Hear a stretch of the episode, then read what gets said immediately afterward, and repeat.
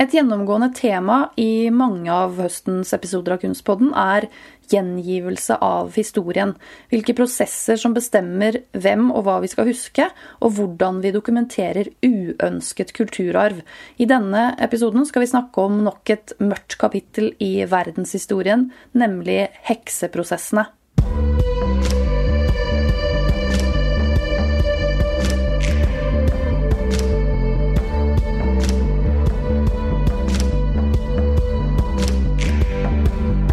Det er helt ufattelig at hekseforfølgelsene faktisk er en del av vår historie fra det 15.-16. århundre, og det er en mildt sagt underkommunisert historie. Den siste tiden så har heksa blitt fremmet som et feministisk symbol, et symbol på styrke og en person med, med nok selvtillit til å tørre å være annerledes og si uh, hva hun mener. Uh, heksa er ikke lenger synonymt med spiss svart hatt, skummel latter og stor jerngryte full av froskelår. Men selv om heksa har blitt et symbol på styrke og noe positivt på mange måter, så er ikke den faktiske historien om hekseforfølgelsene mer belyst eller klarere formidlet. Og I den sammenhengen så åpnet utstillingen 'Heksejakt' på Kunsthall Charlottenborg i København i november 2020. Utstillingen inneholder arbeider av en rekke kunstnere, bl.a. Marit Anne Sara og den står til 17.1.2021. Jeg skal nå ringe til min allierte i Danmark, nemlig kunsthistoriker Stephanie Serrano Sundby. Hun har sett utstillingen. Hei, Stephanie. Hei sann. Du har sett utstillingen 'Heksejakt' på Kunsthall Charlottenborg. Hva handler denne utstillingen om? Ja, um, Heksejaktutstillingen fokuserer på de nordiske hekseprosessene på 1500- og 1600-tallet. Um, og jeg syns også et viktig poeng er at utstillingen ikke bare kalles hekser, men faktisk heksejakt. Og dermed understreker man også litt at fokuset ikke kun legger på heksen som en sånn kulturhistorisk skikkelse, men at man i stor grad ønsker å fremheve den faktiske forfølgelsen og da eh, drapene på de som ble anklaget for å besitte trolldomskunst. Og hovedandelen var jo kvinner, eh, men merkelappen hekser ble også satt på minoriteter som urbefolkning, LGBTQ pluss-personer og mennesker innenfor eh, de nordiske koloniene. Så eh, jeg tenker at utstillingen arbeider ut ifra en bredere og mer kompleks forståelse av heksen som figur og symbol, og at man vil understreke disse reelle forholdene rundt de nordiske hekseprosessene. Og, og, derfor er dette en veldig omfattende og innholdsmettet utstilling. Eh, du har både en veldig stor mengde og variert eh, gruppe med verk, men også lange, veldig kontekstualiserende veggtekster. Eh, I tillegg til at det da er utgitt en liten blå bok som inngår i et flerårig forskningsprosjekt om hekseprosessene i Danmark, Norge og Sverige.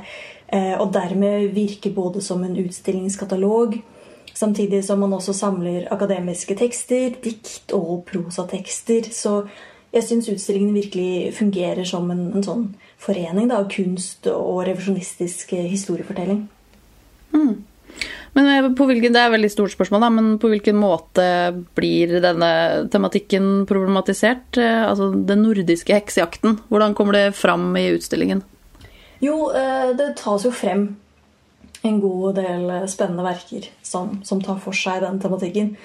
Um, og spesifikt så vil jeg eh, nevne et verk av Keviseli, eller Hans Ragnar Mathisen, 'Etna Matt Terra Incognita', um, fra 1990. Og dette er også et av de første verkene man møter i utstillingen. Uh, og her så har en, en hel vegg blitt nesten sånn tapetsert med kart Eh, og de minner meg litt om de kartene man, på sånne, man finner på sånne hytter eh, i eh, sånne felleshytter i norske fjell. Men han har da tatt disse kartene og, og tegnet over dem da, med samiske stedsnavn. Eh, og dermed på en måte tatt litt sånn tilbake land ved å, å skape ny, ny kartografi. Eller Amaret Andesara, som har laget uh, verket Gilastuvon, uh, som jeg sikkert uttaler feil, men som betyr fanget. da. Uh, og her ser vi flere lassoer i plast som henger ned fra taket. Og dette er del av et større prosjekt som hun kaller Pilo Sápmi. Og, og, i veggteksten så forklarer hun hvordan hun ønsker å skape debatt omkring nye kolonialistiske praksiser i vestlige demokratier som Norge.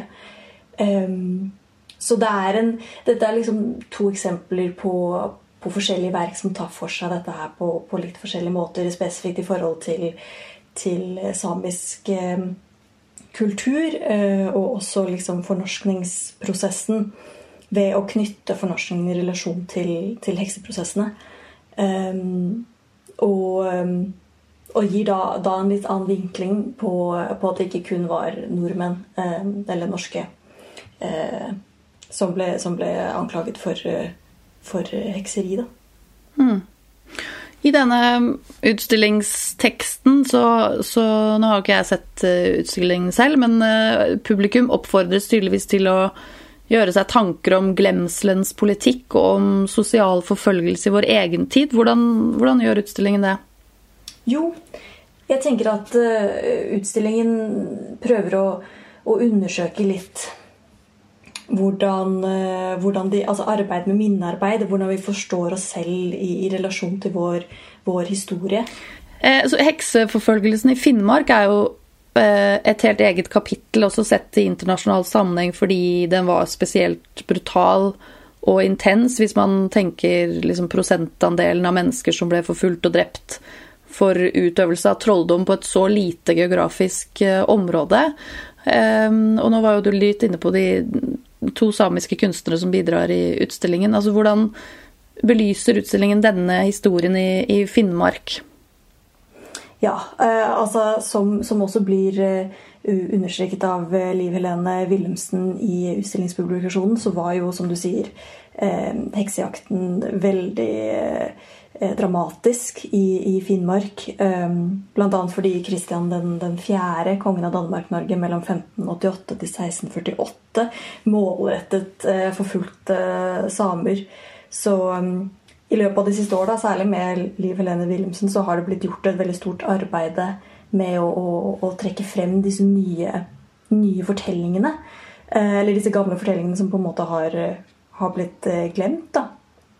Eh, så jeg tenker at utstillingen da både liksom ved å trekke inn hennes arbeid Eh, men også ved å trekke inn eh, nemlig Steilneset-minnesmerket, også kalt Heksemonumentet, eh, som ble oppført i 2011 i Vardø til da, for å minnes da, eh, hekseprosessen i Finnmark. Um, og dette er jo et, et veldig omfattende verk. Eh, det består både av en minnehall av den sveitsiske arkitekten Peter Sumtur og også en installasjon av den fransk-amerikanske kunstneren Louise Bourgeois, The Damned, The Possessed and The Beloved. Og, og måten eh, dette minnesmerket trekkes inn i, i, utstillingen, er jo ikke ved å flytte på det holdt jeg på å si, eller å, å ta bilder av det, men man inndrar det eh, ved å referere til verket i flere av eh, utstillingstekstene. Men også i utstillingsboken som en hjørnesten da, eh, for utstillingen. Um, samtidig så har de også uh, valgt å, å utstille et, verk av, uh, et annet verk av Louis Bourgeois som på et vis speiler Steinløsen-minnesmerket, nemlig eh, Coyote, som ble skapt mellom 1947 og 49. Eh, dette er også det første verket man møter idet man går inn i utstillingsrommet. Eller et av de første. Eh, og her ser vi da denne rosafargede, firkantede stålkonstruksjonen som ligner to gjerder plassert side om side, her båret av lange, spisse ben. Og jeg tenker at Fargen sammen med de skarpe, rette benene som holder den ellers tunge konstruksjonen oppe, skaper litt assosiasjoner til ballettdanserens lange bein, som da er innbundet i tåsbusko, og hvordan dette yrkets krav om myke, lette bevegelser faktisk da krever beinart arbeid. Da. Uh, og i veggteksten skal man lese at dette er del av Bourgeois sin eh, personasjeserie, som da er en rekke abstrakte, loddrede former som antyder menneskekropper eller totemer og ligner individer da, som støtter hverandre, samtidig som de er fanget i et større strukturelt system. Og jeg tenker derfor at Coyote bringer inn Steilnesen-monumentet, selv om de er veldig forskjellige. Men de begge tematiserer en annen form for sterke, men myke minnesmerker som motsetter seg det man ofte tenker på som, som klassiske monumenter. Altså disse nonfigurative, fallosformede skulpturene eller de overdimensjonerte mennene til hest, som da vi er så vant til å se i bybildet. Mm. Um, og dermed bringer Coyote da, en tydelig referanse til, til Steinless-minnemerket, som er Steinless-minnesmerket, som er veldig sånn lavt til bakken og mye mer um, mye, mye mindre sånn pompøst. Eh, og dermed tenker jeg at eh, det kuratoriske perspektivet også i utstillingen legges fra første stund. da, Ved å skape en form for sånn eh, ja, ved å, ved å, tydelig si da, at det er en form for sånn feministisk revisjon av vår egen nordiske historie. Mm. Det er jo det er interessant dette med, liksom, med minnesmerker. Da. Det har vi jo snakka om i Kunstboden tidligere også. Eh, og jeg selv vet jeg i hvert fall ikke noe om noen andre minnesmerker om denne historien her i Norge enn dette i, Vardø. Viser utstillingen noen andre minnesmerker over hekseprosessene?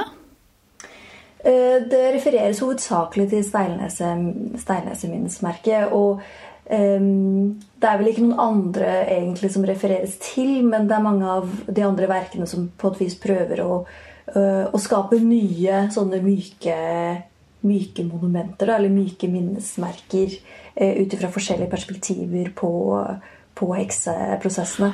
Så hvis, uh, hvis man drar denne historien da, om, om, statens forfølgelse av samiske menn, men hovedsakelig også kvinner, videre. Eh, det er jo en historie som grad handler om fornorskningen av, av samene og den prosessen der. Så hva, hva er relasjonen mellom hekseprosessen og, og, kolonialismen? Ja, um, det skal jo sies at um, de nordiske hekseprosessene ikke begrenser seg til som du sier, de geografiske grensene rundt Norge, Sverige og Danmark. For de ble jo også importert som del av de koloniale praksisene. Uh, og dette tenker jeg bl.a. tematiseres i Pia Arkes uh, Arctic, Arctic, Hysteria fra 1996. Som tematiserer linken mellom koloniseringens bruk av såkalte vitenskapelige metoder og fornorskningen for å undertrykke og utøve vold da, mot urfolk og inuittkvinner. Eh, men et annet eksempel som jeg vil trekke frem, er Levon Bell eh, med et videoverk 'Strange Gods Before Thee' fra 2020. Som tar oss med til Jomfruøyene og tematiserer hvordan forfølgelsen av hekser også, også da var implementert eh, som en del av koloniseringen. Og her ser vi karibiske landskap sammen med flere magiske, religiøse og helbredende praksiser som var utbredt blant slavegjorte arbeidere, skriver hun. Eh, hun fortsetter også med å skrive at eh, samlebetegnelsen for disse veldig varierende praksisene er obea. Og I filmen kan man se at hun bl.a. vasker steiner, men at hun også stryker et egg rundt kroppen i en spiralform eh, fra beinene og opp til hodet. Og Dette er litt en liten dekorasjon fra min side, men jeg synes det var veldig spennende å se akkurat denne handlingen, fordi det er en type praksis som jeg selv kjenner til fra min egen meksikanske familie. Tantene mine bruker bl.a. dette som en form for renselseshandling. Spesielt hvis vi har vært på kirkegården og besøkt familiegraven. Så skal liksom egget kunne samle sammen kirkegårdens kaotiske energier da, som man kan ha tatt med seg. Og hvis man så knuser egget, og hvis innholdet blir sort, så er det tegn på at man har tatt med seg noen dårlige energier, men at man nå på en måte er renset. da. Um, og jeg vet jo ikke om dette er den samme måten egget blir brukt i en karibiansk kultur. Men eh, jeg tenker også på at egget kan virke altså ofte sikkert bli tatt frem som et magisk objekt fordi det på en side er en beholder, men på samme tid også et, et levende og, og, dødt objekt. Eh, så jeg tenker at Le Bell tematiserer hvordan ritualer eh, både er en viktig del av en kulturs hverdag og identitet. At magi, medisin og helse nødvendigvis ikke er adskilte praksiser, men men ofte kan virke, virke om hverandre. Og dermed tematiserer hun hvordan koloniseringen ikke bare utøvde fysisk, utøvde fysisk, fysisk vold, men også mer dyptgående eh, strukturell vold mot identitet og, og lokale fellesskaper. Eh, og dette understreker hun bl.a. Eh, i verkets tittel 'Strange Gods Before Thee', som da refererer til det første av de ti bud til Luthers eh, lille katekismus, hvor det står at man ikke skal ha andre guder. Så ved å implementere disse buder som lover i koloniene, så ble rammene umiddelbart satt for å straffe folk eh, og anklage dem. Eh, dem som ikke underla seg kolonimaktens religion og lover. Så, eh, så dette eksemplifiserer hun også i da, denne verkteksten med hvordan kvinner som deltok i arbeideropprøret i 1878, også kjent som The Fireburn, ble straffet da med å bli brent levende. Og dette var jo en veldig vanlig straff for hekser, og dermed setter hun også en liksom likhet mellom opprør da, og, og, hekseri, som, som, er veldig spennende. Um, men, ja, det er, det er, veldig spennende. Men nå, nå var du litt inne på det. Men vet, sånn, helt sånn konkret dette, denne historien med, med, dette egget. Men eh, vet, kommer det noe fram hva, hva konkret disse kvinnene var liksom anklagd for å ha gjort, liksom? Nei, det var Det kom an på For det meste, slik jeg forstår det, så var det folk som, som gjorde opprør da, mot uh, kolonimakten. Som, som, ble rammet Som kunne bli anklaget for hekseri. Eller eh, ja, folk som var litt Altså kanskje var viskvinner eller en, en, form for sånn sjamaner innenfor, sin, innenfor den, den, spesifikke kulturen. Uh, så, så, det var en eller annen systematisk måte å, å, kunne bruke hekseri som en veldig sånn enkel anklage. Da, og sette på folk for å, å At samfunnet kunne eh, litt sånn dekonstrueres og, og, skapes på nytt i en form for kolonial setting. Mm. Tenker jeg. Men altså, de, disse hekseprosessene er jo, er jo veldig håndfaste og brutale bevis på, på, historiens forfølgelse av kvinner og mennesker. Som da, som du også uh, sier, for, av forskjellige årsaker står utenfor samfunnets rammer på et eller annet vis. da. Uh, og det er jo en tendens som dessverre ikke slutta på 1500-1600-tallet. Det skjer jo fortsatt i dag, så det er jo et veldig samtidsaktuelt tema, dette. Selv om det også er historisk uh, basert så trekker, liksom, trekker utstillingen linjer fra 1500-1600-tallet eh, og fram til i dag.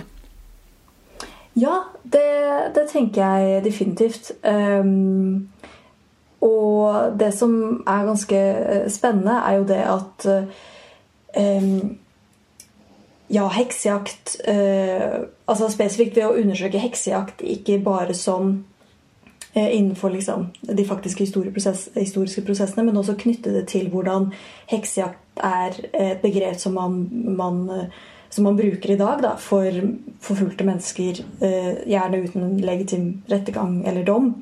Uh, og vi lever jo i en tid preget, preget av falske nyheter, eller såkalt fake news. Og i denne konteksten så handler jo heksejakt mye om hvordan vi, vi påvirkes av den eh, kontinuerlige informasjonsstrømmen og massive bildekulturen vi lever i. Um, og Derfor vil jeg uh, tenke at uh, det er spennende at kuratorene nettopp har valgt å utstille trykk fra den faktiske perioden under hekseprosessene. Um, for uh, det er jo et poeng at før trykkekunsten så var det kun de, de, ytterst få i samfunnet som fikk sett bilder av kunst. For det meste så var det jo kongehusadel eller munkene som altså var de som forfattet og dekorerte bøkene, som da hadde tilgang på bilder og bøker og tekst. Men trykkekunsten førte jo med seg en demokratisering av informasjon, samtidig som man plutselig også kunne illustrere og dermed legitimisere et bilde av bl.a heksen som en trussel for lokalsamfunnet. Uh, og jeg tenker at Denne utviklingen kan man jo faktisk sammenligne litt med vår egen tids demokratisering av informasjon gjennom Internett. Um, som også har ført til at ja, falske nyheter får florere fritt. Noe som også underbygger at hat og ekstremisme får et uforstyrret rom til å vokse. Um, og Her vil jeg da trekke frem et verk som nettopp arbeider litt mellom sånn fortid og nåtid, nemlig Sissel Meinecke Hansen og Reba Maybury i samarbeid med Joanne Roberts' 'Twelve Rules of Life'. Uh, og verket er ganske komplekst. Det er veldig mange deler. Eh, først og fremst så vises det tolv kobberplater hvor mannlige BDSM-undersåtter har illustrert omskrivninger av Jordan Petersons 'Twelve Rules of Life'. Og jeg kan nevne at Peterson er en omstridt psykolog, og han er bl.a. blitt omfavnet av mannlige alt-right og incel-grupper, som også understrekes i, i verkteksten. Jeg kan kort nevne at alt-right er en fellesbetegnelse for høyreradikale grupper som beveger seg innenfor nynazisme og hvit makt-ideologier, mens incels også er en hatgruppe hvor navnet står for ufrivillige, seksuelt avholdende, og består av menn som da er sinte på kvinner fordi de føler seg avvist. Um, videre inkluderer verket et videoverk, 'Day of Wrath', som viser en gjenfortolkning av åpningssekvensen til filmen, Vreden, til filmen 'Vredens dag' fra 1943. Og dette er da en dansk adopsjon av det norske stykket Anne Pedersdotter fra 1909. Så det handler jo om hekseforfølgelse. Så til sammen da, så blir det da disse tolv livsreglene illustrert med trykk, tegnet av disse mannlige BDSM-undersåttene, som da ruller over skjermen til lyden av en 1200-talls dødsmesse spilt baklengs. Eh, og dermed trekker verket linjer mellom de historiske hekseforfølgernes rot i et kvinnehat og samtidens misogynistiske hatgrupper. Eh, og dermed ja, trekkes da denne eh, historiske heksetrykkene til dagens eh, konspirasjonsteorier.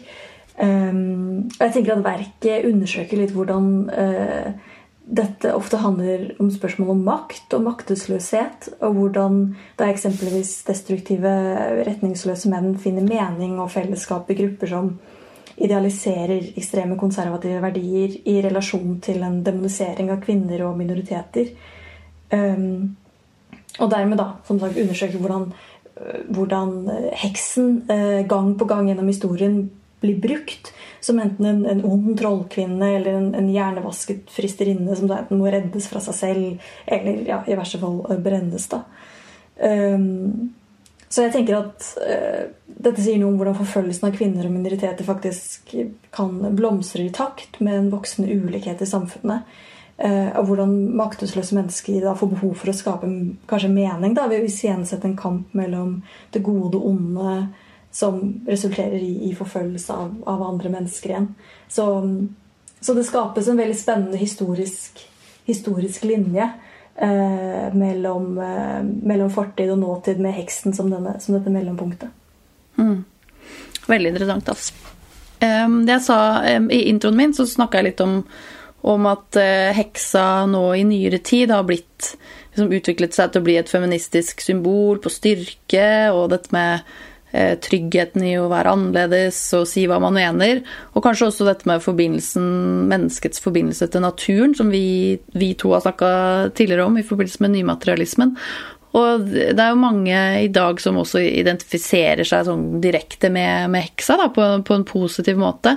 Hva tenker du om denne utviklingen av eh, heksa til å bli et feministisk ikon, og handler utstillingen på noen måte om, om det? Denne utviklingen?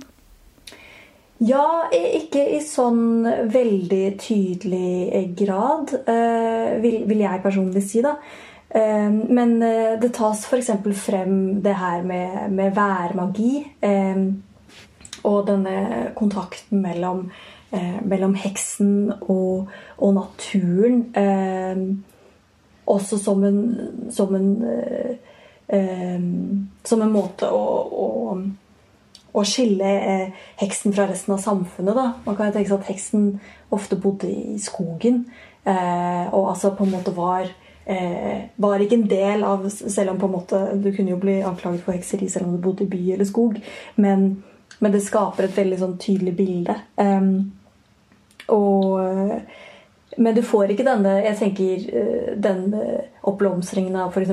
YouTube-hekser. Eh, hvor man her i større og større grad har begynt å, um, å, å lese tarotkort eller å, å å, tra, ta frem litt sånn tidligere heksepraksiser, uh, og, og, remodernisere det. Mm. Men som også på en måte er en, en måte å gjøre og understreke heksen som populærkulturelt symbol. Og derfor tenker jeg også at heksen på den måten ikke frembringes i den utstillingen fordi den nettopp ønsker å ta et steg vekk da, fra fra dette veldig eh, kan man si litt sånn klisjéaktig bildet av, av, heksen som enten liksom hun med grønn hud og kroket nese, eller disse tenåringene som ofte skal redde verden med magiske krefter, eller skrekkfilmer da, hvor heksen nesten ikke er et menneske lenger, men, eller en sånn monstrøs, ondskapsfull karakter. Um, dette er jo uh, mildt sagt uh, mørk materie. Hvordan uh, fungerer denne tematikken i en kunstnerisk sammenheng, syns du? jeg syns det fungerer Altså, det er, det er, virkelig sånn på tide med en mm. sånn type utstilling, tenker jeg. Og jeg syns det fungerer veldig godt. Um, det er jo en, virkelig som, som den tidligere en, en, omfattende utstilling både i forhold til verkene og denne utstillingsboken som, som går inn i på en måte heksetematikken fra forskjellige vinkler. Um, så, så, det blir et veldig, et veldig godt og nødvendig stykke arbeid.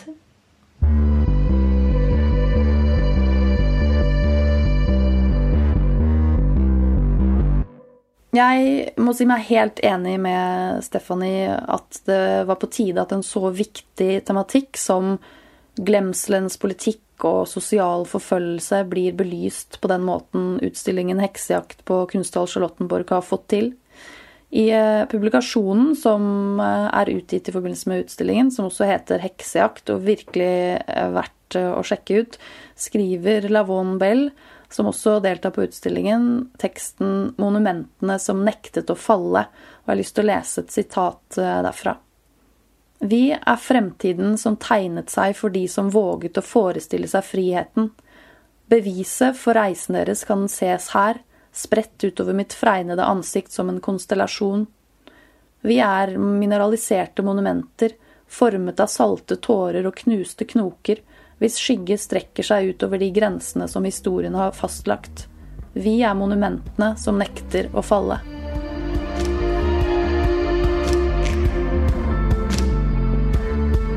Kunstpodden lages med støtte fra Kulturrådet, Koro og Fritt Ord.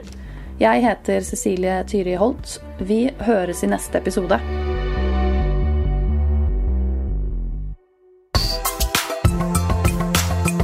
Produsert av Flink pike.